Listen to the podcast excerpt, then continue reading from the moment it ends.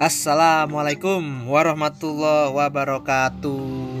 Waalaikumsalam Waalaikumsalam wabarakatuh. Oh asik nih, rame nih. Biasanya kalau rame-rame begini ada sesuatu sama transport nih. Ya, kembali lagi bersama kami ya, Transport dan Francis di Transport Podcast. Kali ini kita mau ngobrol-ngobrolin lagi nih soal perkereta apian ya. Emang perkereta apian tuh nggak ada habisnya untuk dibahas ya. Kali ini kita uh, terdiri dari gue Haikal dan juga ada Azam dan juga ada Ahmad Rafi di sini. Uh, kita berkolaborasi nih bersama teman-teman dari RF Divre 4 alias Baradipat ya. Nah, di sini tuh sudah ada Gabriel Miolo, Valdo Putra dan Sigit Hendrawan dari teman-teman Baradipat ini. Nah, uh, sebelum kita mulai ngobrol-ngobrolin tentang uh, apa itu Baradipat, apa itu Divre 4 dan seluruh perkereta apian di Lampung lah ya, bisa dibilang tuh. Kita mau uh, kenalan dulu nih. Kita mau kepoin profilnya dan kegiatan dari Baradipat itu sendiri tuh apa aja sih? Monggo nih, siapa yang mau ngomong nih? Halo, halo. Halo semuanya. Hei. Jadi di sini kami dari kau teman-teman Rel fans barisan Rel fans di perempat mungkin ada yang ingin memperkenalkan diri dulu. Eh, dari pertama mungkin dari saudara Faldo mungkin bisa perkenalan dulu kan? Mungkin kawan-kawan belum kenal kan tak kenal maka tak sayang. Tak sayang maka tak sayang. Maka tak Ya baik semuanya. Assalamualaikum warahmatullahi wabarakatuh. Nah, Perkenalkan saya Paul Buta Pratama Dari pengurus Rel Festival 4 alias Beradipat. Salam kenal semuanya mungkin eh, saudara Gabriel mungkin bisa perkenalan juga dari kawan-kawan kita. Oke lanjut. Assalamualaikum. Waalaikumsalam. Ya. Waalaikumsalam warahmatullahi wabarakatuh. Ya perkenalan diri ya. Nama saya ini Gabriel Muhammad Gabriel Milo ya. Usia 24 tahun saat ini jabatan di Baradipat ini Ini Kadipumas dan Bunga, dan dan juga dia merupakan salah satu admin dari eh, IG kami yaitu RF di perempat. Oke. Iya. Korlap ya semacam korlap juga. Korlap ya, ya, ya. iya. Ay- ya ya silakan saudara Sigit mungkin memperkenalkan diri. Oh, Ya selamat malam semuanya. Malam. malam. Eh, Izin memperkenalkan diri. Nama saya Sigit Hendrawan Saat ini saya sebagai anggota Baradipat Itu aja Oke. Oke, oke. Nah, ketika perkenalan diri tadi tuh ya. Nah, perkenalan Baradipat itu sendiri dong. Profilnya sama kegiatannya dong. mungkin dari abang-abang dulu nih kayak abang abang Yel boleh nih bang silakan bang ya lanjut Eh, bisa mungkin dari abang dulu gitu nanti yang lain kita ini apa menambahkan? Banyak yang tanya Baradipat itu adanya udah ada lama apa belum? Hmm. sebenarnya dibilang lama enggak dibilang baru juga enggak. Karena berdirinya empat tahun yang lalu. Tepatnya tanggal 13 bulan 1 tahun 2017 Hmm, sebelum kita ini jadi jadi komunitas sendiri ya independen kita ini spin off sebelumnya. Iya betul saudara Rapi spin off tuh dalam arti kita dulu eh, itu apa sih istilah Part of, part of. ya part of-nya eh, dulu ada namanya kalau nggak salah KPKD 3SS ya kalau nggak salah dulu ya. Iya Nah, betul. kita masih part masih ada part off-nya kita dari situ. Sebelum se- tanggal semenjak tanggal 1 Mei 2016 kan di free 3 itu kan dipecah. Di perempat bisa. Bisa kan Eh, kita mulai part off itu atau bukan memisahkan diri itu ya benar kata Kak Gabriel tadi tanggal 13 Januari 2017 itu Oh. resmi. Resminya tanggal segitu. Itu resmi. Sebenarnya kalau part off mah benar-benar bisa apa namanya spin off lah jatuhnya. Nah, itu kegiatan kami itu ya kegiatannya ya seperti pada relevan umumnya sih ya kayak apa eh, hunting kereta ya kopdar ya, dan banyak dan lain sebagainya lah. Jadi kan kita orang tuh kan kegiatannya tuh nggak hanya hunting-hunting aja sih. Ya kegiatan kita tuh ya seperti sosialisasi perlintasan disiplin perlintasan. Terus kalau kemarin-kemarin tuh ada namanya posko posko angkutan lebaran dan posko angkut- angkutan natal dan tahun baru. Dan enggak itu dan itu saja. Kita juga kadang eh, bisa eh, berkolaborasi nih dengan dan dengan mitra kami itu PTKI kan. Biasanya dengan mengikuti ada namanya bakti sosial seperti itu. Hmm, dan lain sebagai dan sebagai macamnya. Kopdar-kopdar gitu ya juga ya ada ya? Iya kopdar kopdar eh, terus ada gathering iya. ada yang lain gitu. Itu kalau menarik juga nih disiplin perlintasan. Biasanya tuh ini kan sekarang ppkm lah ya tuh iya eh, biasanya tuh kalau nggak pandemi gitu tuh ngelakuinnya di mana aja sih titik-titiknya tuh? Kalau kami sih kami sendiri titik-titik krusial ini pas ppkm atau sebelum ppkm Ah, maksudnya sebelum corona atau sesudah corona ini? Sebelum dah sebelum dah sesudah dah. Oh, sebelum dan sesudah. Sebelum-sebelumnya kami itu berfokus eh, sosialisasi itu di sekitar eh, perlintasan sebidang yang tak ada penjaga palang pintunya. Yang yang pertama, yang kedua dan perlintasan yang sebidang yang ada pak ada penjaga namun untuk tingkat eh, pelanggaran itu masih lumayan tinggi. Hmm, oke. Gitu. Seperti di PJL di dekat stasiun Tanjung Karang ada PJL Pemuda dan ada namanya PJL eh, Sultan Agung, PJL Labuan Ratu, Kampung Baru dan sebagainya, Wai Halim dan sebagainya. Mau. Kami fokus fokusnya itu ini fokusnya di dalam kota dulu. dalam kota Bandar Lampung lah ya gitu Nah, oke mantap nih Bukan berarti kita cuma di dalam kota Bandar Lampung aja. Sekali kita pernah sampai ke pinggir Bandar Lampung. benar, apa tarahan Bahkan pernah sampai ke Kesawaran. benar. Hmm. oh Yang terbaru ya, yang terbaru ada yang sampai ke Lampung Tengah, sampai ke Bakery. Iya, Terus lanjut aja. Ada juga yang di kota bumi apa sih itu ya? iya. Ada kota bumi juga ada. oh Hmm. mantap ya ternyata ya Ah, seru-seru ya itu ah, dan juga oh iya kan tadi saya lupa masih tahu Eh, jadi wi- ki- kami ini eh, wilayah kerja untuk wilayah kerja wilayah komunitas kita tuh meliputi dari stasiun Tarahan sampai sampai dengan stasiun Tanjung Rambang di situ kami ada sekitar berapa sih anggota sekarang ada sekitar eh, paling li, li- 65 orang anggota. Alhamdulillah. Woi mantap. Mantap dari mantap. 2017 sampai 2021 alhamdulillah kita sudah apa ada 65 anggota. Lima mantap. 65 mantap. Oke. Yaitu meliputi wilayah tadi Tarahan sampai Tanjung Rambang. Dan juga yang paling jauh kami ada rekan kami di stasiun ada di daerah Batu Raja sana. Hmm, hmm, hmm. Oke nih, eh, mungkin dari saudara Azam nih ya, melanjutkan. Monggo Zam. Oke. Salam kenal abang-abang. Nama gua Azam. Eh jadi kalau ngomongin awal-awal pasti itu sejarah ya. Nah, gimana sih bang sejarah dari perkereta apian di provinsi Lampung ini? Mungkin abang-abang bisa jelasin nih ke kita. Mungkin eh, mungkin dari saudara Agabil ya yang, yang menjelaskan nanti dan nanti eh, ditambahin dari Muhammad Abdul terima kasih Ya, jadi pertama kali ada kereta di sini tuh udah berapa tahun yang lalu ya? 1911. Hmm, Itu mulai start bangunnya bikinnya ya dari Panjang. Cuma sekarang kalau dari Panjang sampai ke pos percabangan KM3 udah mati, mati.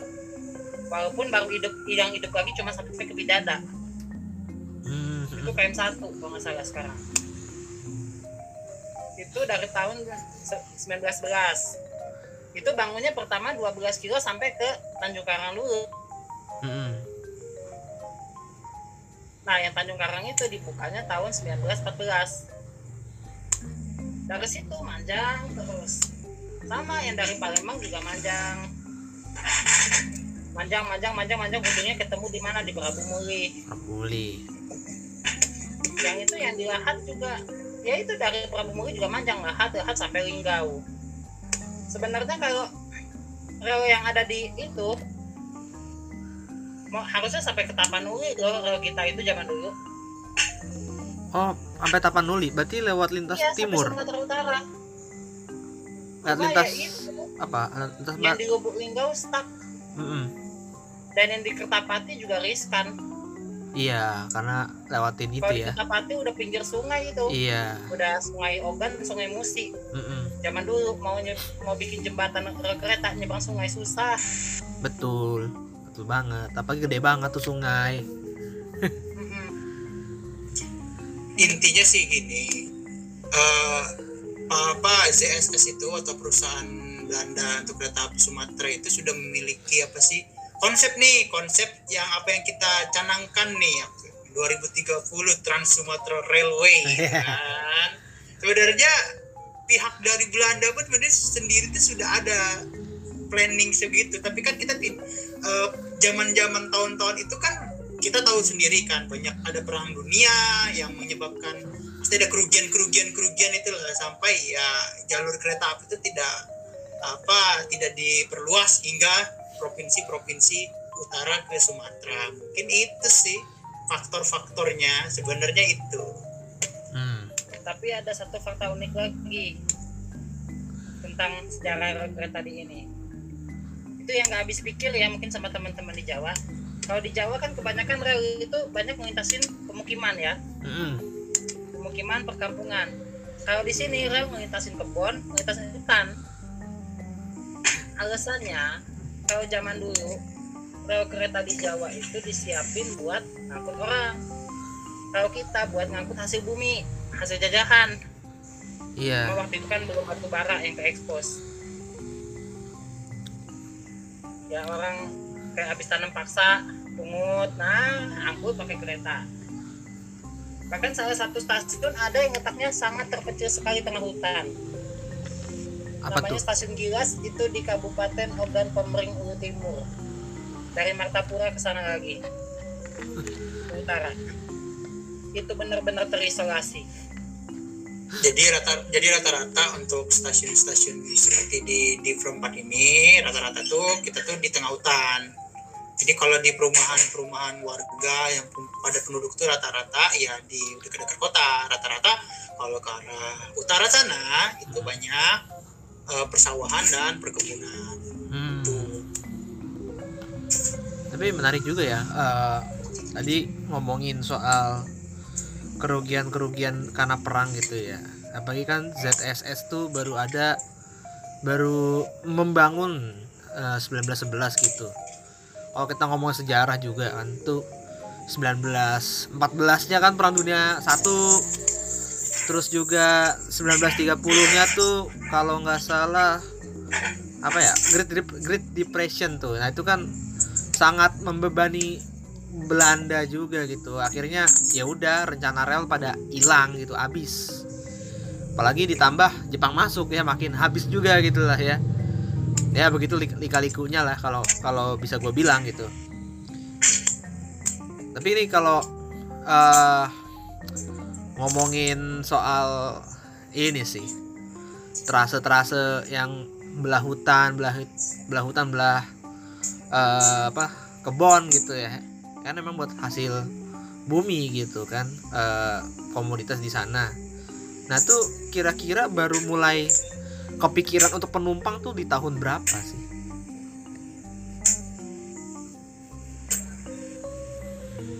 Kak silakan kak. Yang tahu kak. Kemungkinan ya kalau buat angkutan penumpang itu ya mungkin udah tahun 30 pas udah nyambung semua lah ke Palembang. Oh gitu. Soalnya di antara stasiun-stasiun itu kan memang ada yang lewat kota. Iya iya. Benar. selain lewat bandara, selain bandara Lampung ini yaitu kota bumi. Hmm, Martapura Batu Raja itu kan memang yang benar-benar pas tengah kota. Selain itu ya itu dekat kampung. Baru habis itu dekat hutan. Hmm. yang hutan juga nggak ada yang naik turun juga kalau yang tengah kebon atau tengah hutan. Iyalah. kalau yang tengah kebon itu kayak di Giham. Di daerah mana tuh Giham? Giham tengah kebon tapi ada juga stasiun yang dibutuhin karena dia jauh dari jalan akses jalan gede Contohnya? contohnya di beberapa di Lampung Tengah tuh Haji Pemanggilan Susuban Susuban. kereta ekonomi yang tadinya nggak berhenti di situ berhenti yang ke Palembang Mm-mm. berhenti kenapa jauh kalau mau ke jalan lintas Iya iya sih. mau ke kota bumi nggak bisa Jadi di sana itu ada perkampungan-perkampungan warga juga. Jadi kereta api itu yang menjangkau yang perkampungan jauh dari jalan lintas, makanya adalah kereta api menjangkau situ berhenti di stasiun yang disebutkan tadi. Gitu. Karena jauh ke jalan lintasnya gitu. Iya. di Lampung Utara juga ada itu Negara Ratu Tulung Buyut Negeri Agung kanan ya itu juga jauh dari jalan lintas jauh dari mana-mana bahkan kalau dari patok yang ada di jalan lintas misalnya ini kita di jalan gede ada papan tulisannya ke stasiun yang dituju misalnya Tulung Buyut atau Negeri Agung itu bisa 30 kilo Nah, Dan itu dan itu faktanya gitu. mm-mm. Nah, itu kalau keberadaan stasiun Teluk Betung tuh ada nggak sih? Dulunya. Ada. ya? Nah, tuh gimana ceritanya tuh? Dulunya. itu tahun 70 tutupnya Oh, jadi 70. dulunya itu buat pengangkutan ikan Mm-mm, mm-mm. Dari- dia termentoknya di gudang lelang Hmm, gitu, ha. Jadi cuman buat barang aja ya, bukan buat Jadi Penumpang. semacam gini lah istilahnya stasiun Teluk Betung itu semacam gudang, gudang penyimpanan ikan gitu lah, Oh. komunitas ikan.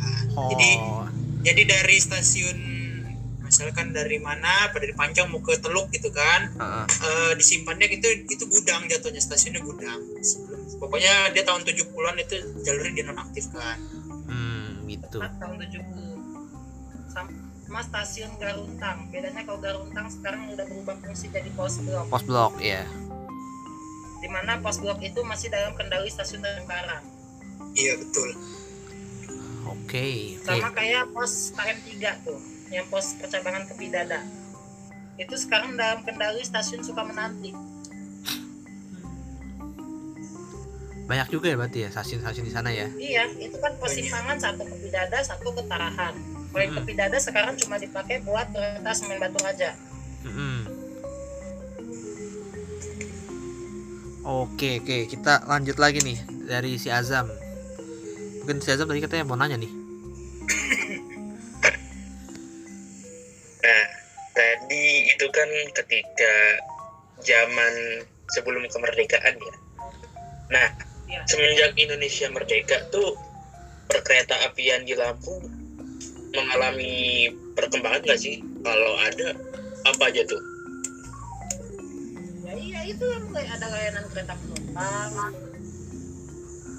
terus ya ada kereta beberanjang batu bara dulu batu bara biasa Mm-mm. Hmm, kalau batu bara biasa dari tahun 70-an 78 lah Itu emang eh ngomongin batu bara nih ya. Itu emang saat itu eh baru ada namanya eksplorasi batu bara makanya diadain begitu apa dari zaman Belanda sih kalau boleh tahu tuh? kalau batu bara itu sebenarnya udah lama ya Tanjung Enim itu Ah. cuma kalau cara ngangkut ke Jawa baru kepikiran istilah kemerdekaan Oh, begitu. Oke. soalnya kenapa kenapa naik kereta kalau misalnya lewat sungai Musi Mm-mm. itu sedimentasi sungainya Iya. tahan belum lagi kalau lewat jalan lintas hancur nanti jalan Iya. Nah, mungkin dari Raffi tadi mau tambahan tuh kayaknya tuh. ya begitu sebenarnya kan dengan adanya angkutan batubara itu kan sebenarnya untuk apa sih mobilitas batubara itu sendiri sih dari dari kan namanya oleh yang gue pelajarin kan selama ini kan ada namanya origin to destination ya kita kan dari originnya ke mana nih originnya kan di Tanjung Enim destinationnya ke mana ke Tarahan karena kan mau dikirim ekspor dan sebagai macamnya mau dibuat ini dan itu itu sih. Oke, oke. Dan udah dari saat eh, batu bara itu jadi angkutannya kereta api andalan di sana gitu ya nah itu Ya. Eh, perkembangan-perkembangan khususnya juga di Bandar Lampung kan juga jadi berkembang gitu loh kayak yang gua tahu nih ya kayak contohnya gini di Bandar Lampung karena kereta batubara itu frekuensinya banyak gitu kan akhirnya dibikin flyover banyak banget ya nggak sih bener nggak sih tuh Eh, Ba- kalau flyover, Hmm. flyover ini yang bikin bukan di Jen KA, Bukan. bukan juga KAI. Tapi Wali pemerintah kota. oh iya pemerintah mem- mem- memang kalau untuk flyover underpass itu memang kebijakan Pemda itu. Mm-mm. Kalau KI dan itu kan hanya memberikan saran saja gitu kan yang punya wilayah dan perlintasan ya itu orang daerah. yoi betul betul Wali kota kita kan bapak flyover dulu. Untuk flyover. Saking banyaknya flyover sampai bingung flyover yang mau dibuat apa. jangan-jangan flyover ada bahwa perlintasan ada gitu ya? Iya, itu Nah, yang kan? itulah yang kita bingungkan. nah kan mulai. Itu apa salah satu yang kita bingungkan. Ada namanya flyover atau underpass dan memakai dan masih pakai PJM itu yang kita bingungkan gitu untuk apa? Sama kayak Jakarta lah kurang lebih iya ada. eh, kurang lebih. Tapi kan Jakarta kan. Jakarta kan ya beberapa protokolnya kan nggak kayak apa kayak di mana sih? Kayak di Ca- Cawang atau di mana ya? Cawang ya? Apa-apa Eh, yang PJL lagi. PJL udah hilang kalau nggak salah ya. ini apa daerah Pesing? Masih ada. Pesing ada. Lenteng Agung udah diganti. Eh, terus Yang Agung flyover Tapal Kuda. ah udah. Tanjung Barat udah. Masih ada. Iya Kalibata masih ada flyover ada ada perlintasan. Pesing Pesing juga ada. Nah itulah kayak gitulah. Ah, Atas flyover tapi bawah masih ada palang. Iya. Jadi kebijakan apa sih? Mungkin jadi bahan evaluasi lagi mungkin bagi uh, dinas perhubungan kota provinsi mungkin untuk kementerian perhubungan dalam mengkaji namanya itu kemacetan terhadap apa mengurangi dengan angka kecelakaan terhadap perlintasan sebidang itu. Mm, dan kalau Jakarta ya frekuensi memang sini kan komuter lain gitu ya. Komuter lain tapi kan berapa? Paling paling banyak 12 itu 12 kereta. Lah kalau Iya. Babaranjang berapa? Bikin waktunya berapa? Babaranjang tuh terdiri ada 40 nah. Nah, enam kereta. SF60 sekarang. Oh Bukan perjalanan SF-nya 60 benar. Apa transformasinya 60 gerbong tapi perjalanan kereta 23 apinya masya nah iya sekitar 46 Nah, kereta lah istilahnya. bisa di bisa dibayangkan itu Bandar Lampung kalau nggak ada flyover kayak gimana gitu kan ya, nungguin Babaranjang. Babaranjang. Ah, ah. Kita pun Kan kita Babaranjang. Babaranjang mau masuk stasiun Labuan Ratu itu kan lewat perlintasan kalau misalnya dia ketahan sinyal, aduh udah sementara yang ada di PJL. iya ya kita pun sendiri aja yang kawan-kawan relevan sendiri aja ngelihat kalau udah ke ketahan itu udah kesel juga lama gitu. Ah. Itulah dinamika dinamikanya gitu loh. dinamika di Lampung begitu ya Iya dinamika di dinamika di Bandar Lampung begitu. ya dan juga pernah sih waktu itu apa namanya gua eh, jalan nih lewat Sultan Agung jalan Sultan Agung itu kan ada perintasan tuh menuju ke mana namanya stasiun Labuan ya kan? Di situ kan ada sinyal muka sama sinyal 97 ya. Masuk.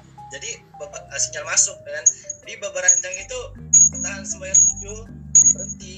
Itu pengendara tuh bapak-bapak kan? Boncengan sama anak sama bininya sama istrinya kan? Terus mungkin ada 10 menitan lah Babaranjang itu ada flyover di Sultan Agung itu di perlintasan Sultan Agung itu. Jadi bapak-bapak itu teriak gitu kan. Mungkin ya terlalu lama gitu kan Babaranjang untuk ketahan 97 apa kita atau Babaranjang yang kereta di depan tuh lagi memasuki atau gimana. Jadi bapak-bapak itu teriak woi lama amat kereta ini berhenti. Gua mau lewat. Nah gitu kan. Ya, gue cuman yang yang yang relevan yang tahu kereta ya cuman ketawa-tawa aja sih sebenarnya gitu. Banyak sih pengendara di situ juga sebelum dibikin flyover yang apa namanya yang mungkin protes. Bisa dibilang sampai perang klakson. iya. Iya. Jadi juga kalau kita ngerokok, rokoknya habis pas nunggu. Ah, ya itulah dinamika di Lampung begitulah ya dan ya udah gitu kudu sabar-sabar sebenarnya sebenarnya dinamika tersebut ya gimana gitulah kita nggak bisa bisa pungkiri dan juga eh, kita tidak bisa menyalahkan aturan dari PD19 KAI sendiri kan Ya. di mana PD19 itu mengatakan ketika memang kereta api itu dikatakan untuk mau berhenti luar biasa itu untuk rangkaian panjang memang harus berhenti di depan sinyal masuk tapi Iya. kan kita kan tidak bisa mau kita misalkan eh, apa namanya warga biasa nih tiba-tiba tertahan nih di di PJL karena di depan kereta lagi berhenti kan namanya syaratnya PD19 itu kan namanya rang, kereta api rangkaian panjang ketika akan berhenti luar biasa itu harus berhenti dulu di depan sinyal masuk. Betul. Nah, itu kan eh, mungkin ya mungkin memang itu aturan terbarunya dari PT KAI terhadap PD19 mungkin begitu sih sebelum sebelumnya mungkin yang gua lihat sih sebenarnya belum ada. Mungkin eh, baru tak baru-baru itu ya mulai 2000 2000 berapa? 2013 2013 ke atas sih mungkin aturan tuh Hmm, ada gitu kan. Hmm-mm. nah Mungkin itulah. ya dijadikan apa sih? Ya bahan-bahan apa sih? Evaluasi ke depan gitu kalau misalkan ada eh, stasiun atau eh, stasiun lah yang dekat dengan perlintasan itu mungkin dikaji agar kereta api tidak tertahan dan tidak mengganggu juga gitu loh. Tapi kita tidak bisa memungkiri juga gitu loh. Tapi di Undang-Undang Nomor 23 tentang perkereta apian juga kita harus mendahulukan perjalanan kereta api itu masalahnya. Iya. dan Ya itulah itulah dinamikanya. Hmm, itu yang bikin apa Baradipat hadir di situ Nah dan di situ mensosialisasi mensosialisasi orang-orang yang sambat karena perlintasan kereta Iya betul. Termasuk ya. sekali. Termasuk lah ya. Dan di situ kita hadir untuk memberikan pemahaman kepada masyarakat agar memahami bagaimana kereta api itu begitu sedang proses cuma babaran doang aja yang kadang bisa bikin itu baru kemarin kejadian ngalamin sendiri ada KLB uji coba lokomotif CC 205 baru hmm. itu kan lokomotif itu jalannya lambat bener ya uji coba Saking lambatnya sampai pengendara ngedumel. Ngomongin ini kok nggak lewat-lewat keretanya kok ini lama. Kita kasih tahu aja pengendara. Mohon maaf ibu-ibu semua yang ada di sini tolong sabar ya. Ini ada KLB uji coba lokomotif baru. KLB uji coba lokomotif baru ini jalannya nggak boleh lebih kencang dari 30 nggak boleh dari lebih dari 40 jadi ya tunggu aja.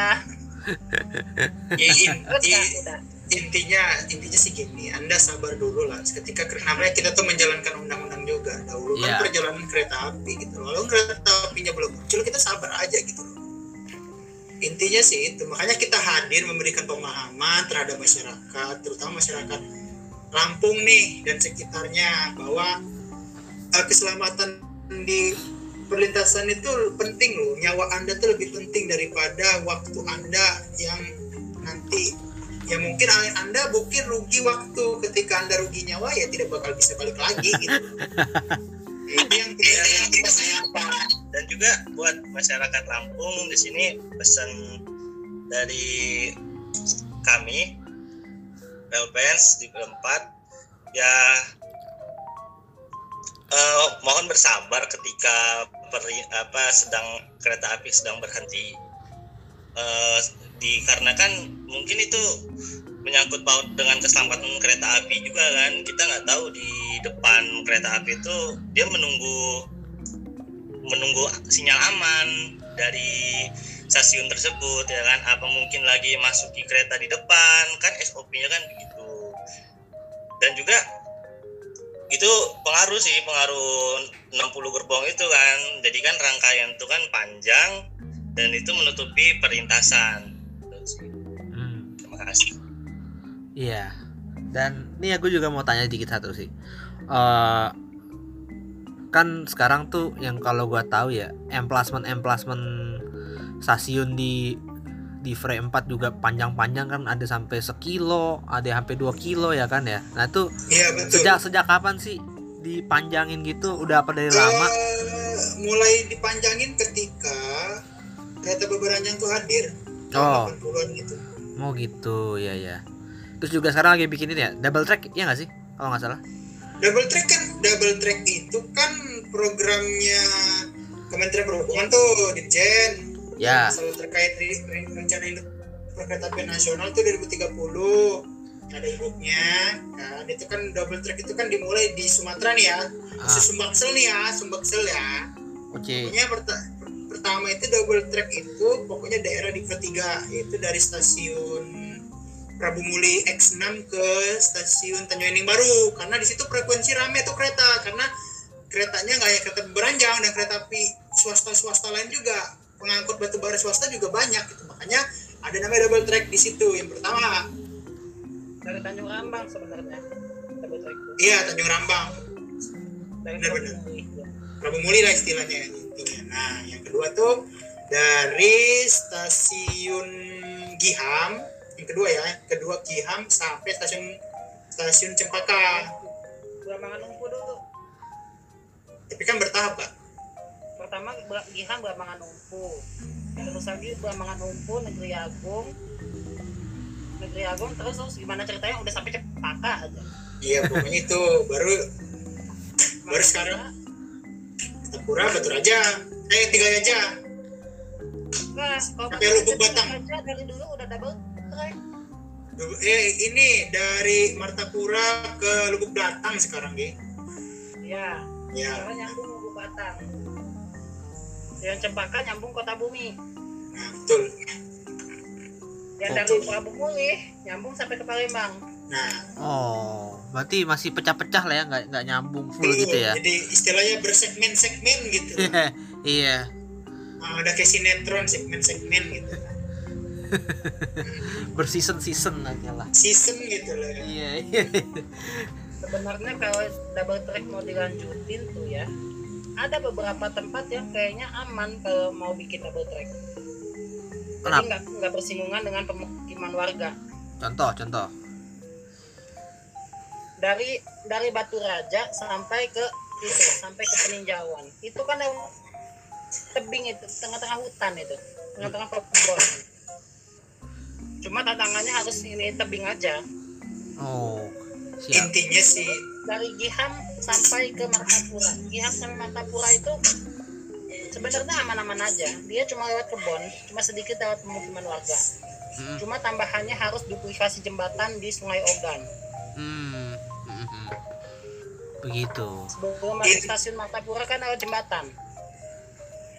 Intinya eh, mungkin penghambat maksud bukan penghambat sih apa mungkin faktor-faktor lain dari ya double track itu bersegmen-segmen itu yang kita lihat loh. Kita tuh saya eh, gua tuh pernah belajar namanya itu ada namanya trase trase lintasan trase lintasan itu ada nama trase lintasan horizontal sama vertikal. Di situ kan eh, Dirjen sendiri kan mementingkan trase tuh.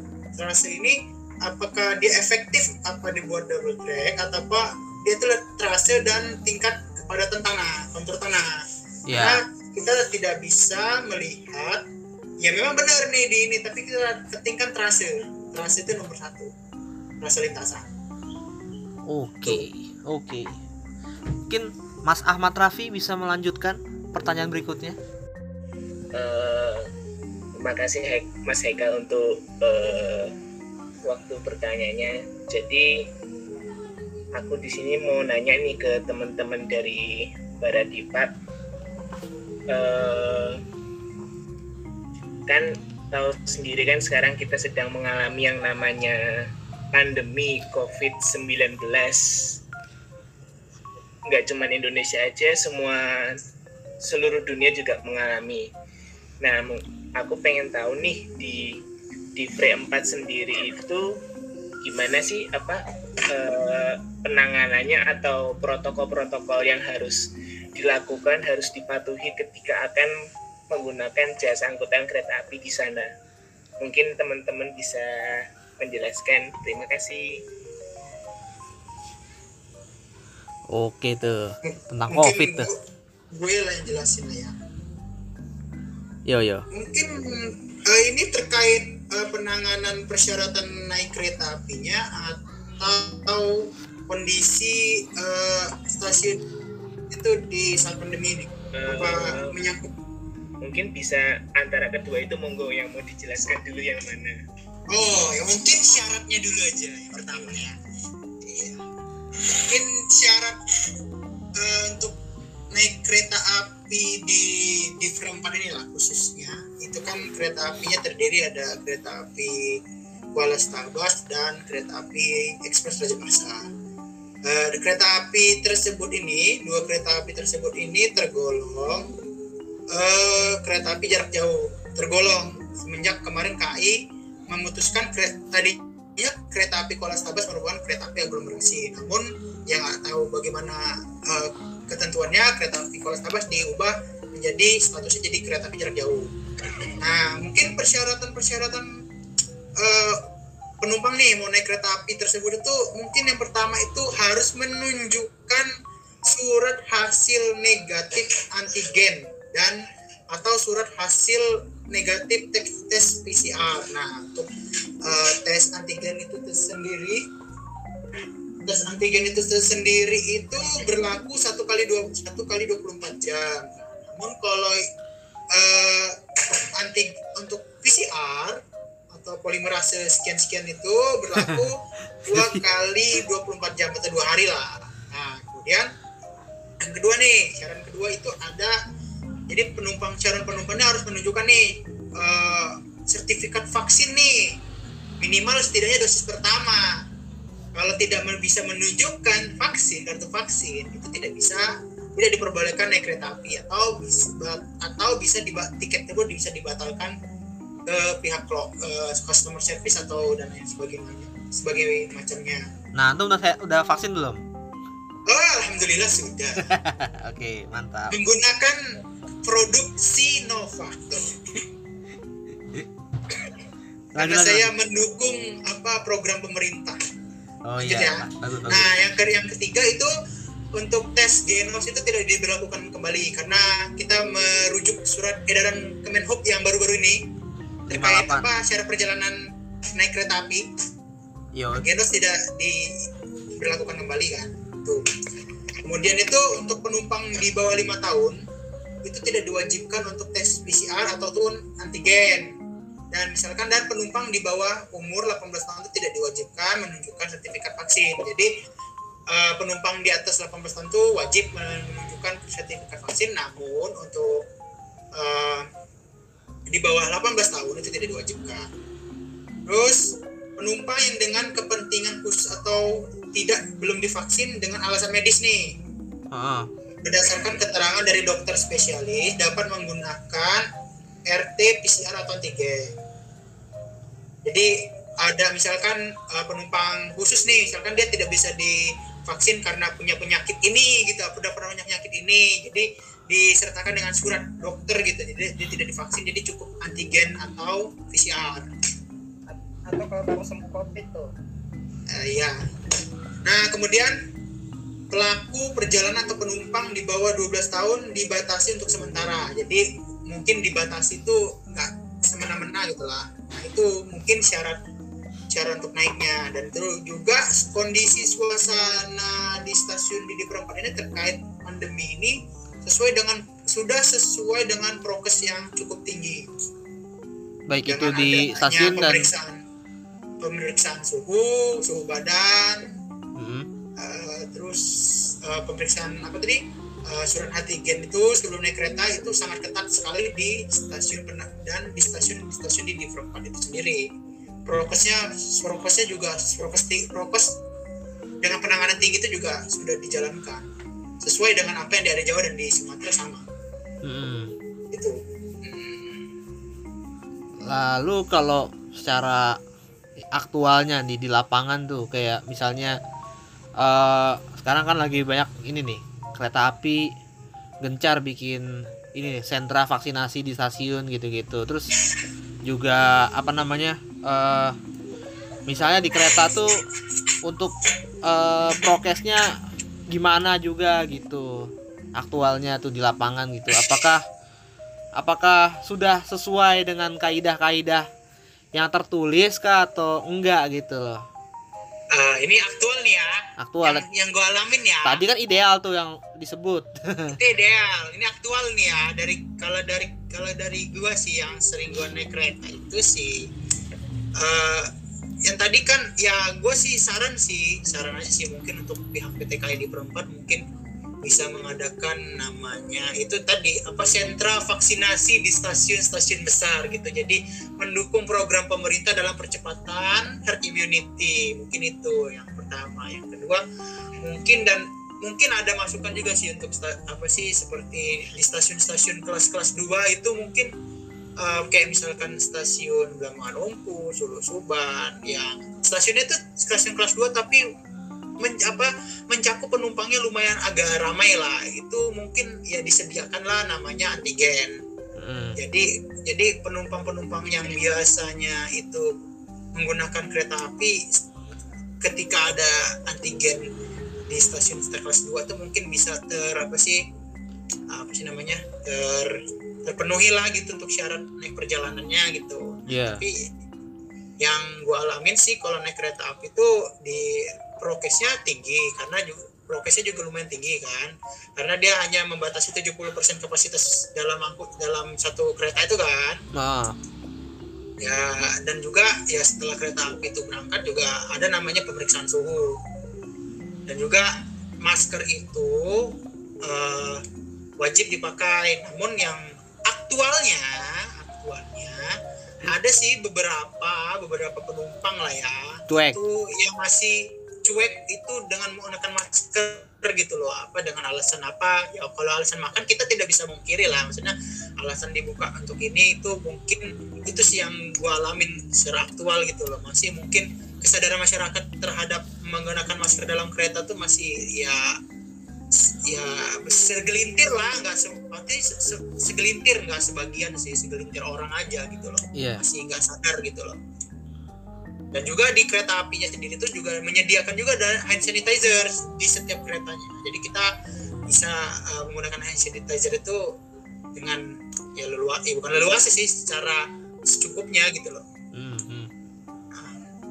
dan juga uh, ya begitulah Aktualnya gitulah ya. ya aktualnya begitu mungkin Untuk pelayanan uh, lah ya. pelayanannya sudah cukup gitu loh Mm-mm. sudah sesuai Nah, tadi udah ngomongin pelayanan, sudah sosialisasi, sudah gitu ya. Melakukan sosialisasi lintasan, terus juga evaluasi di bagian pelayanan gitu. Nah, kali ini Mas Raffi mau menanyakan lagi nih kayaknya nih. Kayak soal sa- sarana prasarana nih kayaknya nih. wow Monggo Mas Raffi. mungkin aku mau menanggapi berarti ya yang diceritakan teman-teman mungkin hampir sama ya kayak di Jawa kan aku juga belakangan ini bolak-balik naik kereta dalam hal apa keperluan kuliah.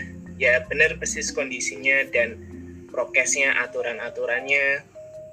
Dan mungkin kemarin ya kalau nggak salah waktu libur Idul Adha tuh sempat ada kereta api jarak jauh tuh ketambahan syarat ini harus wajib apa STRP atau apa gitu. Di Sumatera demikian nggak? Eh, itu pas libur lebaran ya? Iya, itu sama sama sama. Sama. Hmm, ketika yang libur lebaran itu kan lumayan panjang tuh. Ditambahin surat STRP itu ketika liburan lebaran Idul Adha selesai ya udah gitu loh. Hmm, STRP itu kan yang setahu gue yang gue lihat sih ya sekarang untuk untuk kalau kalam aglomerasi aja STRP iya, iya, komuter. iya. Betul. komuter dan juga gitu Mm-mm. Lanjut Vi. Oke, jadi ya hampir sama lah ya. sama sama kok sama di Jawa Oke, lanjut nih. Kita kita dari transporti penasaran nih eh, tentang layanan kereta api apa aja sih di Divre 4 itu dan untuk sarana prasarananya di Divre 4 itu ada apa aja? Kan kemarin baru aja nih kedatangan anak-anak baru nih untuk nambah penarik untuk angkutan mutiara hitam. Mungkin dari teman-teman bisa oke. memaparkan. Oh memaparkan. Oh, oke oke. Jadi mungkin gue yang mem- memaparkan ya jadi Asik cerpen. layanan nih. Kereta api di di perempat itu ada layanan kereta api penumpang dan angkutan barang. Yo. Nah, itulah. Nah, yang pertama kereta api penumpang sendiri terdiri ada empat kereta, eh, tiga kereta. Yang pertama kereta api lintas malam ekspres Sriwijaya relasi Tanjung Karang Kertapati PP yang menggunakan kelas eksekutif dan ekonomi premium. Itu yang pertama. Hmm. Kedua ada namanya kereta api ekspres Raja Basa. Relasinya sama. Tanjung Karang, Kertapati dengan menggunakan kelas ekonomi serat- ekonomi subsidi atau PSO. Nah, yang ketiga itu ada namanya kereta api Kuala Stabas, relasi Tanjung Karang, Batu Raja dengan menggunakan eh, kelas ekonomi premium. Bentar, bentar, bentar, bentar nih. Tadi lu Ya. ngomong Sriwijaya apa lintas malam ekspres. Limex Iya. tuh Limex tuh singkatannya itu ya? Iya, Gua kira limited express. bukan lintas malam ekspres. Oh, baru tahu nih kita. Jadi Oh, jadi li- jadi Limex itu singkatannya lintas malam ekspres kan jadi keretanya malam. Oh, gitu. Ya, ya, ya, ya. Mulai ngerti kita ya. lanjut, lanjut, lanjut, lanjut, lanjut.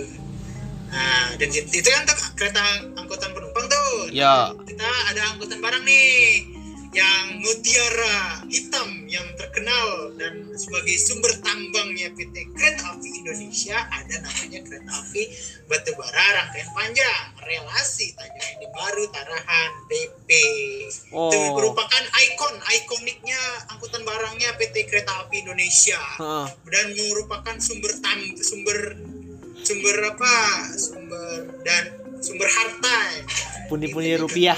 yang pundi-pundi rupiahnya di PT KAI Tapi ini mohon maaf nih, eh, ada pernah yang menyebutkan argo batubara tuh gimana tuh?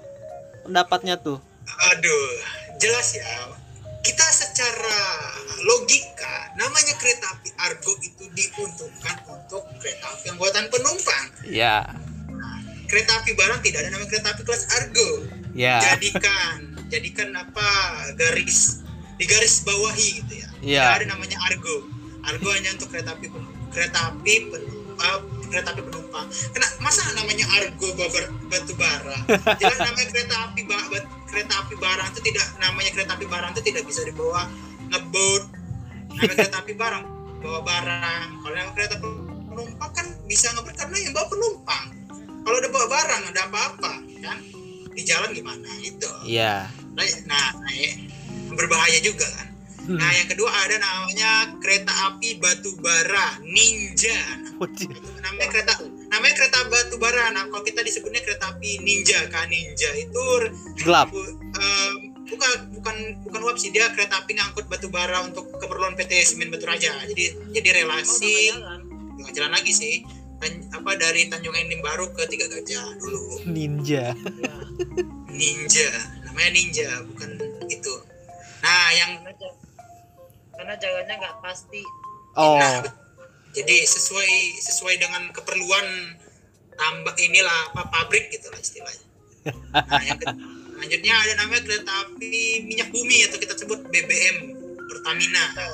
Kettle kan istilahnya. Itu relasi Kertapati Tiga Gajah atau disebut apa, ti- tiga apalah. Bongkarannya di Banyuayu Banyuayu Nah ya, jadi bukan di stasiun Tiga Gajahnya persis. Jadi di pertengahan antara petak stasiun Tiga Gajah Melubuk Batang ada depot Pertaminanya. Hmm. Kemudian ada namanya KA Semen Batu Raja. Itu ada dua sih, ada dua atau tiga lah. tiga Tiga ya, bener ya. Ada rel, yang pertama ada relasi Tiga Gajah Pidada, kedua Tiga Gajah Kertapati, yang ketiga Tiga Gajah Ling Lubuk Linggau. yang hubung nggak mau jalan jalan sayangnya iya alasannya beda Kenapa? kalau yang ke Pati sama ke Pidada itu langsung ke pabrik semen Hmm. kalau yang ke hubung enggak enggak Nggak ke pabrik semen gitu. enggak dia bongkarannya di tengah kota pabrik semennya itu nggak tahan penduduk Oh, gitu ya. Nah yang terus terakhir ada nama kereta api angkutan kertas atau kereta api pop Tel. Nah, P- punya PT Tanjung Enim Lestari atau TEL dari relasi stasiun Niru sampai stasiun Tarahan yang kita tahu nih ada logo yang unik tuh ya logo hijau Yo, CC 203 hijau ya. ah yang logo ji- hijau yang yang mogok-mogokan itu loh yang nggak bisa jalan lagi Mogok-mogok. Lah kan tuh kalau mogok-mogok kan ganti sama punya KAI dong Iya, lokomotifnya. j- jadinya ya nyewa ya KAI lah nyewa KAI Nyewa KAI. ketetel lagi Lah terus dia beli dari mana ya? ya beli sama KAI lah Oh. beli sama Ya, ngapain banget ya? oh, oh, oh, betul Ah, Nah, terus terus kita mempunyai kurang lebih ada untuk ini ya prasarana ya, ada 49 stasiun. wow, banyak-banyak. Ada dari stasiun yang pertama ya dari stasiun Tarahan, stasiun stasiun Sukamenanti, Sukamenanti, stasiun Tanjung Karang, Labuan Ratu, Gedung Ratu, Rajasari, Beranti, Tegineneng, Rengas, Bakery, Haji Pemanggi, Belambangan Pagar, Kalibalangan, dan seterusnya. Bisa lihat di Bumi, Cempaka, Ketapang, Negara Ratu, Tulung Buyut, Negeri Agung, Belambangan Upu, Giham, Tanjung Raja, Waituba, Wait Pisang. Itu yang Lampung. Waduh, banyak. Kalau kamu Lampung nggak? Itu baru Lampung tuh, masih di frame, Lampung. di frame 4 yang Lampungnya tuh, belum yang Sumatera Selatannya tuh. Sumsel, Martapura, Sungai Tuha, Gilas, Sepancar, Kemerak, Batu Raja, Tiga Gajah, Lebu Batang, habis Lebu Batang, Belatung, Kepayang, Belimbing RKK, Durian, Lubuk Peninjauan, Palang Baru, Metur, Kota Baru, Air Asam, Sukamerin, eh Pagar Gunung dulu, Pagar Gunung, habis habis Kota Baru, Pagar Gunung, Air Asam, Sukamerindu, baru Tanambang. nah, iya, Wow, banyak, banyak, banyak. banyak ya, sangat banyak ya. Wow, wow, wow, wow. Salut sama yang apal mah. ah. Itu yang ini, terus dua ada ini Sarani, Sarana Loko. Sarana, Oko, Nah, apa? untuk Loko 205 kita alhamdulillah mempunyai 91 unit. 91, mau 100 Itu tuh. itu sudah termasuk yang angkutan yang baru ini. Iya. 91 unit. Ada ada tambahan lagi nggak? Batch 2 gitu? Ya, kita yang tahun ini yang angkatan 21 nya menerima 36 unit. 36. Nah, sekarang yang, yang udah datang berapa? Yang baru 24. Oh, berarti ada batch 2-nya berarti. Ah, ah, belum 12 lagi lagi OTW. GOTW, iya. Semoga OTW. semoga itu eh, lancar ya di perjalanan di kapal. Amin. Amin. Amin. Ah. Terus kemudian ada Loko CC 202 kita ada 48 namun sekarang 47 kan Kak. dulu 48 sekarang 47 karena satu loko tersebut mengalami insiden Oh, Kan Ya, ya, lagi musibah musibah besar yang tidak mem- yang tidak bisa loko tersebut hidup lagi dan ya udah hilang. Apa tidak bisa di di loko lagi. Udah hilang kayak nasibnya kayak loko 130 R tapi tapi lebih parah sih. Kemudian ada kita ini ya untuk sub depo eh, depo itu kita ada depo lokomotif Tanjung Karang. Yo, dan ada dan lokomotif Tarahan. Depo Kemtarahan. Itu ya di Lampung tuh. Lampung terus ada kita ada depo kereta depo kereta depo kereta tuh ada di depo kereta Tanjung Karang Heeh. Ah, Oh, terus stop depo loh ah, tiga gajah Gak gajah kita punya sub depo Hmm. sub depo untuk lokomotif juga Oh, Nah, oke. kemudian kita ada di depo gerbong. Itu depo gerbong tempat pelarian gerbong itu ada di depo gerbong Rojosari, tepatnya di stasiun Rojosari tuh. Josari. Oke. Ah, Betul. Dan kita mungkin ya kita punya depo mekanik sih sebenarnya sama-sama make lah itu di stasiun depo mekanik Prabu Muli lah jadi di pertiga di perempat samaan lah make Mm-mm. Uh, untuk apa tempat penyimpanan perawatan inilah mesin perawat jalan rel gitu lah Iya. PT, CSM, PBR dan lain semacamnya dan juga- itu katanya berapa tahun lagi jadi Balayasa itu Balayasa Prabu Muli gitu. bukan Rejosari Oh, gitu. lama lagi jadi Balayasa dan Wah. juga dan juga eh, kalau nggak salah sih eh, lihat lihat di mana gitu itu stasiun Rengas itu bakal dibuat jadi balai yasa rencananya Daerah situ. Rengas rencananya Rengas Mm-mm. nah itu katanya mau dibuat balai yasa mungkin khusus di perempat gitu lah. Jadi nggak pakai lahan lagi mungkin gitu lah. Jadi tepatnya Balayasa gerbong lah. Balayasa Iya. gerbong sama kereta. Kalau lokomotif tetap aja harus dari lahat ya. Jadinya nanti Balayasa lahat cuma Balayasa Transi aja. Betul. Nah dan juga untuk sistem persinyalan nih mungkin. Fix block. mungkin masih sistem persinyalan kita masih mungkin blok blok mekanik. blok elektromekanik sih tapi beberapa udah ada ada pakai yang elektrik sih misalkan dari stasiun Sungai Tuha sampai Tiga Gajah sama Tarahan sama Tarahan Tarahan. tuh Hmm, oke oke. Eh, ntar nih, eh, kenapa nggak ada ar- argo di Sumatera? gini ya gini kalau dijelasin ya ini pakai Nalar, nalar aja nalar, nalar, nalar aja nalar. pakai ilmu kereta apinya nggak ini Bebas dah, mau nalar kayak Bebas. cocok logi. Kalau pakai ilmu kereta apinya sih gini sih di di, di ini kan trase lintasannya itu kan ini sih naik turun dan kontur tanahnya juga kan ada beberapa yang tidak padat gitu loh Oh, oke. dan kereta api itu tidak mungkin kan kita melaju cepat dan trasenya itu tidak memungkinkan Relnya? Misalkan ada- dan rel untuk rel kita menggunakan semuanya R54 54, oh sudah 54. 54 sudah 54 semua Oke, 60.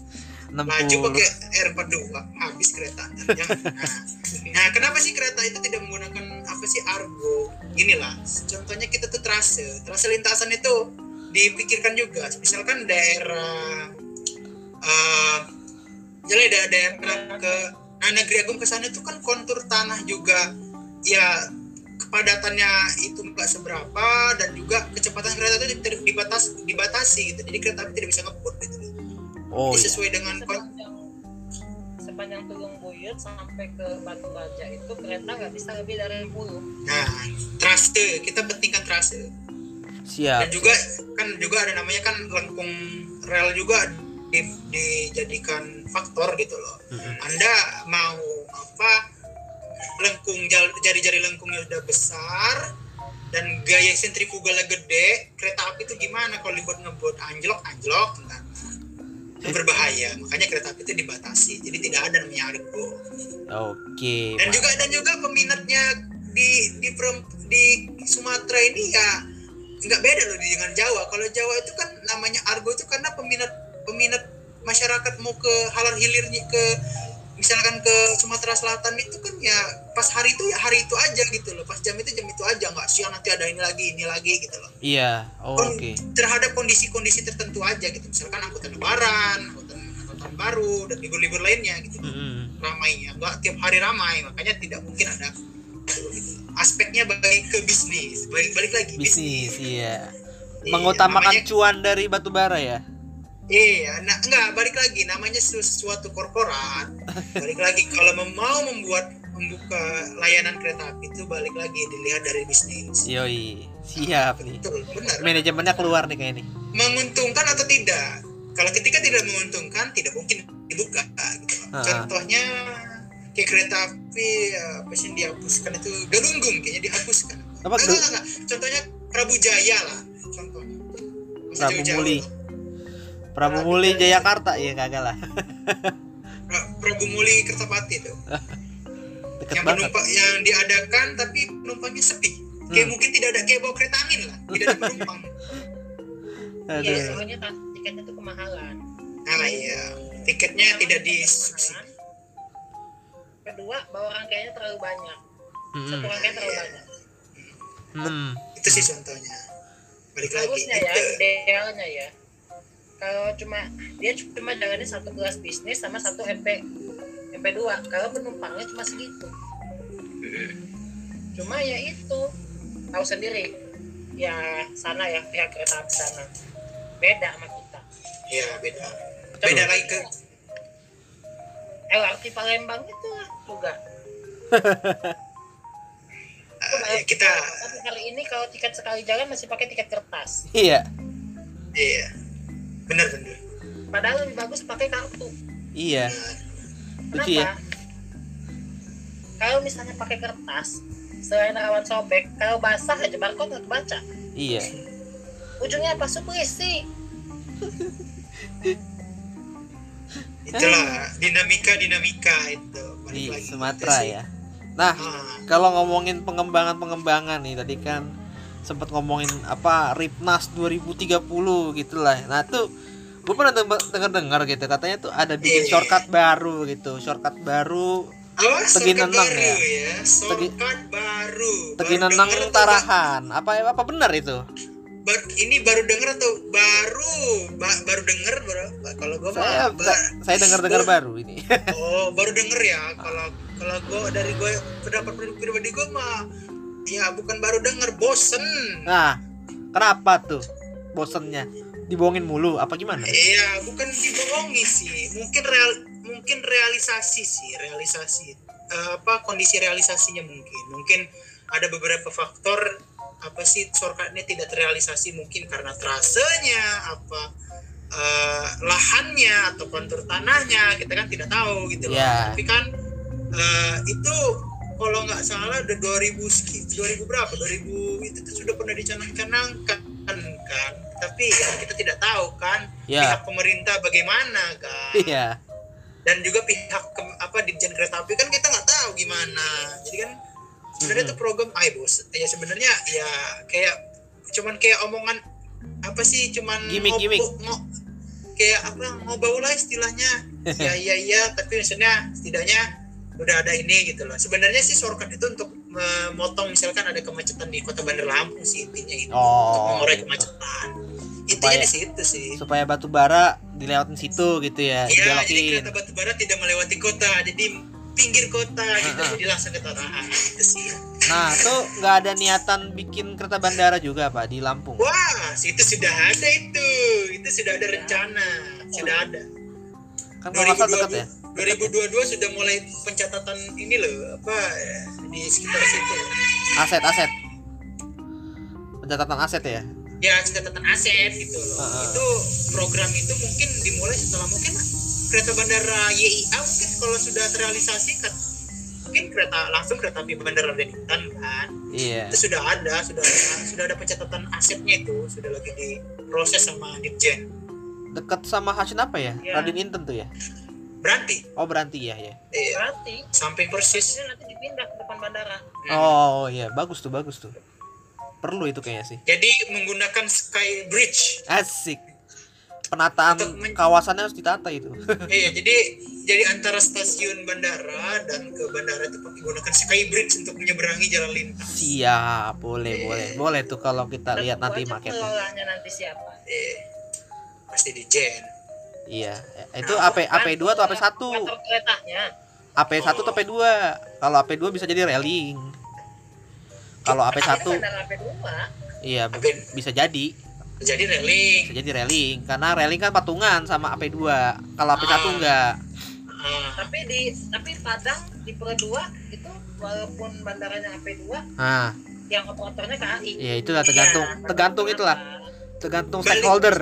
Balik balik lagi intinya Bisnis. di bisnis menguntungkan atau tidak kalau menguntungkan sudah railing kalau enggak ya karena ya kereta api kayak di di Perdua itu sih Lah, sini aja railing aja pocong. nah, Bawa ya, angin. itu, ya mungkin apa tingkat kesadaran masyarakat aja sih Oh ya, oke oke, bagus perspektifnya. tingkat kita guna apa tingkatkan masyarakat menggunakan transportasi umum Boleh, jadi boleh. jadi ramah lingkungan railing aja di, di Jakarta aja udah mulai keok ya Iya, itu aja mau di mau diambil alih ke komuter lain, ke AIC. Bentar lagi Tapi katanya. Beda mau nggak mau karena nggak ada pilihan lain Iya. Ya, kalau di Medan karena juga bandara juga jauh Ya, kan itu- dari kota Itu paling ideal itu, paling ideal. ideal. Heeh. Sama lah kayak YA ya. Ya, iya sama tuh. Nah, iya sama tuh. Karena eh, gue cukup tambahin aja ya Wes. untuk Konamu sendiri kan udah gue lihat sendiri ya Haikal tuh kalau trasenya itu bentuknya U gitu Kenapa? Iya, U, iya. trasenya itu bentuk U karena sebenarnya tuh bentukan Kona Konamu sama Kota Medan itu sebenarnya sebelah sebelahan gitu cuman ya jalur keretanya itu ya ngikutin jalan raya jadi bentuk U gitu Iya, Ini iya. mesti nyambung dulu sama yang lintas Sumateranya itu kan baru masuk lagi ke dalam gitu. Iya, betul. Itu dengan gue lah. Iya. Betul. Mantap Itu keuntungannya adanya kereta bandara Raden Intan itu ya dekat sebelahan sama bandara sih, cuma Benar. bedanya sama jalan doang. Tinggal kawasannya aja ditata. Kawasan ditata itu yang penting itu. Ya. Kalau dari perspektif Mudah-mudahan gua. bisa terrealisasikan. Amin. Amin. Nah, kalau reaktivasi reaktivasi itu kira-kira ada nggak kayak daerah Teluk Betung gitu-gitu apa memungkinkan kah untuk pengembangan ke depan gitu? Boleh gue jawab perspektif gue nggak? Boleh. Boleh lah. Boleh lah. Ya, Eh. yang punya perspektif boleh lah. perspektif ya. Ya. Kalau misalkan di stasiun Teluk Betung ya, keurgensian dari tingkat ke bis apa lihat dari bisnis keuntungannya sih nggak ada. oh nggak ada Karena nggak ada. Karena apalagi gitu loh mau dilihat. Masih Iya. aspek apa lagi? ya Dan juga stasiun Teluk Betung kan dulu kan gudang penyimpanan. Dan sekarang orang mau nyimpan ikan di situ kan udah nelayan, udah apa gitu. Dan nggak juga, bisa buat pariwisata nggak bisa lah ya Iya para wisata juga nggak bisa. Maksudnya untuk tiket untuk reaktivasi kayak gitu udah susah karena Hmm. pemukiman warga kanan kiri udah padat sekali. oh, oh. Nah, betul betul Padat. betul. Nah, Kanan kanan kiri udah padat, nggak tidak memungkinkan gitu. kawasan itu kawasan pecinan juga. iya Nah, pasar iya, apa pasar mambo ya daerah situ ya apa Eh, daerah tempat-tempat itu eh, makanan seafood pasar mambo ya pernah pernah denger gue kayak gitu deh Is, Pak. Daerah ada kampung. ada pihara apa ya. Iya. Tuh gue juga pernah ini nih apa lihat lihat bacaan sejarahnya itu katanya apa benar itu Teluk Betung itu sebenarnya mau dilanjutin sampai ke ini apa jalur lintas Sumatera lintas apa barat gitu ya apa benar itu yang ke Maksudnya? Tapanuli ya lihat Bengkulu terus Padang sampai ke Tapanuli apa Ke mana benar yang Teluk Betung itu? iya apa benar itu Ya orang nggak mentoknya aja. Teluk Betung itu di de- berdekat dekat, dekat pantai nggak mungkin Nggak mau mungkin lanjut ya. lewat Nggak mungkin lah ya. gitu. wah berarti itu webnya salah itu kayaknya Mungkin mungkin ber- perlu direvisi. Oh, iya. itu. iya aja Ah, mungkin direvisi mungkin mungkin yang ke Tapanuli itu lewat, lewat utara mungkin lewat Sumatera Selatan lewat itu Lubuk lewat ya. gitu. ya ya betul betul. Gitu. oke nih wah mantap nih.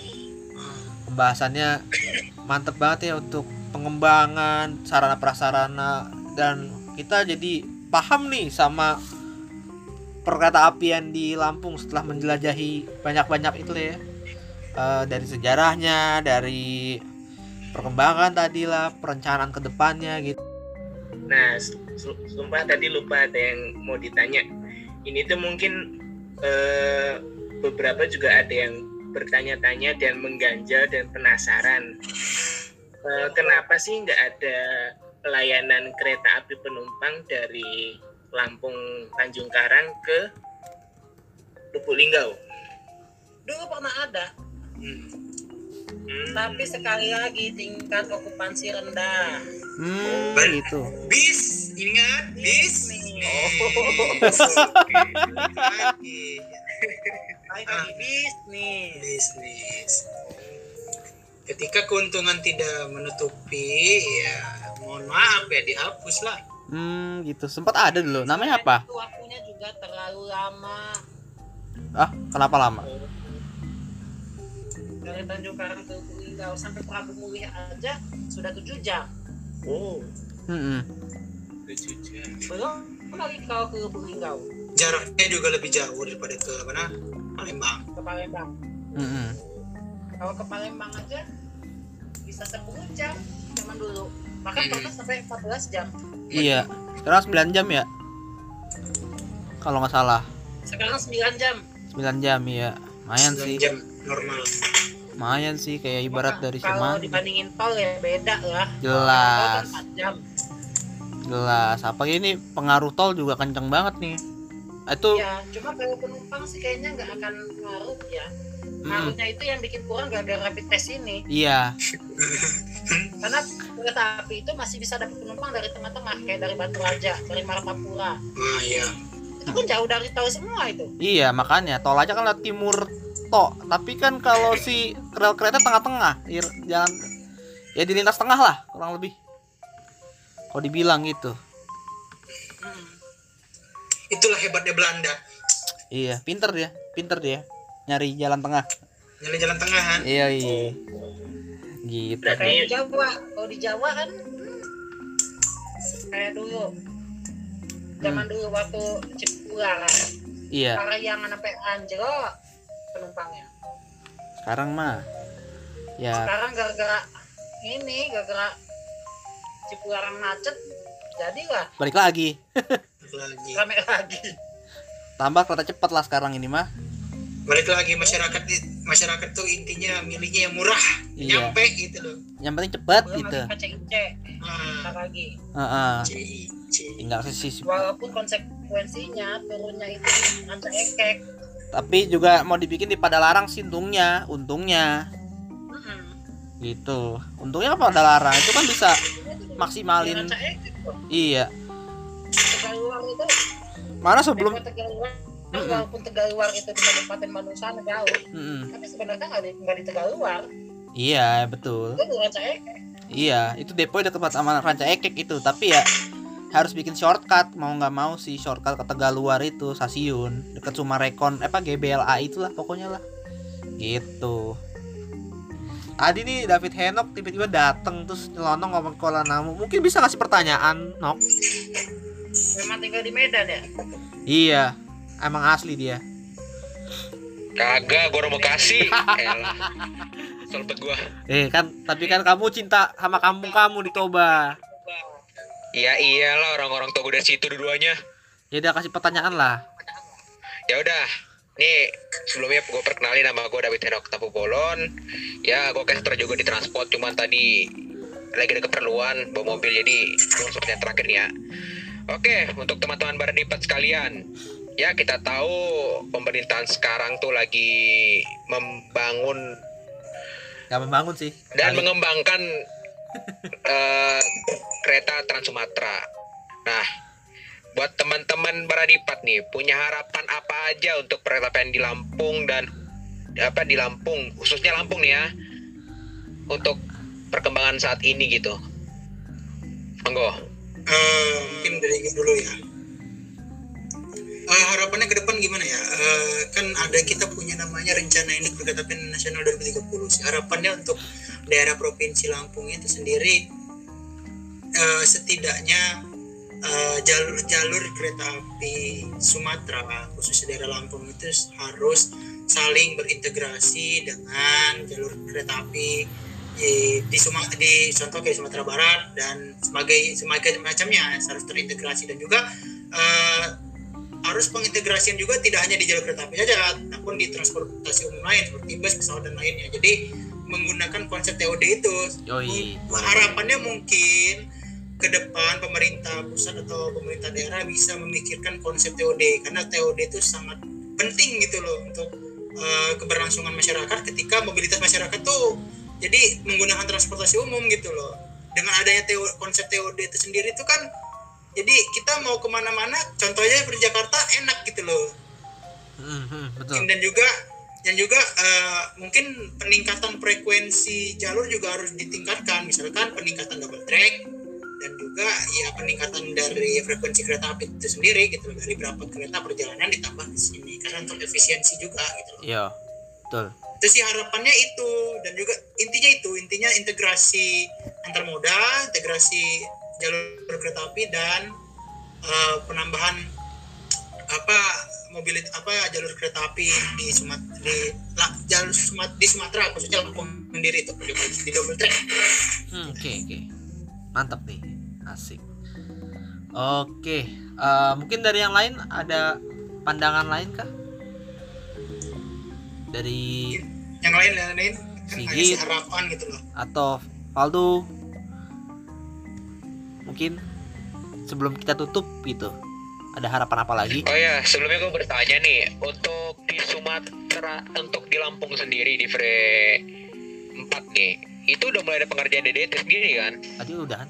DDT Udah DDT. udah. Eh, DDT, double track maksudnya, sorry, sorry. DDT. oh kalau DDT ada DDT DDT udah ada ya? Udah, sudah sudah sudah sudah Udah. Ya, itu bisa dikat lah itu. bisa dikat lah itu Zam ya. Ya, mungkin ada yang ngasih rencana dari kota bumi ke Nusari Rejesari ya. Oke.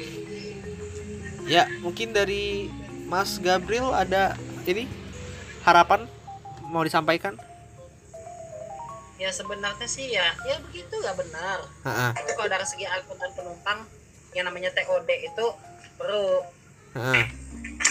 tapi terus juga kalau dari segi pengangkutan barang ya harapannya semoga semua yang selama ini ngangkut-ngangkut pakai kendaraan pakai kendaraan pakai terkapa itu pada pindah ke kereta api nah tuh Wis, mantap tuh. terus ya untuk mempercepat pengangkutan ke stasiun panjang itu harus direaktivasi Oh.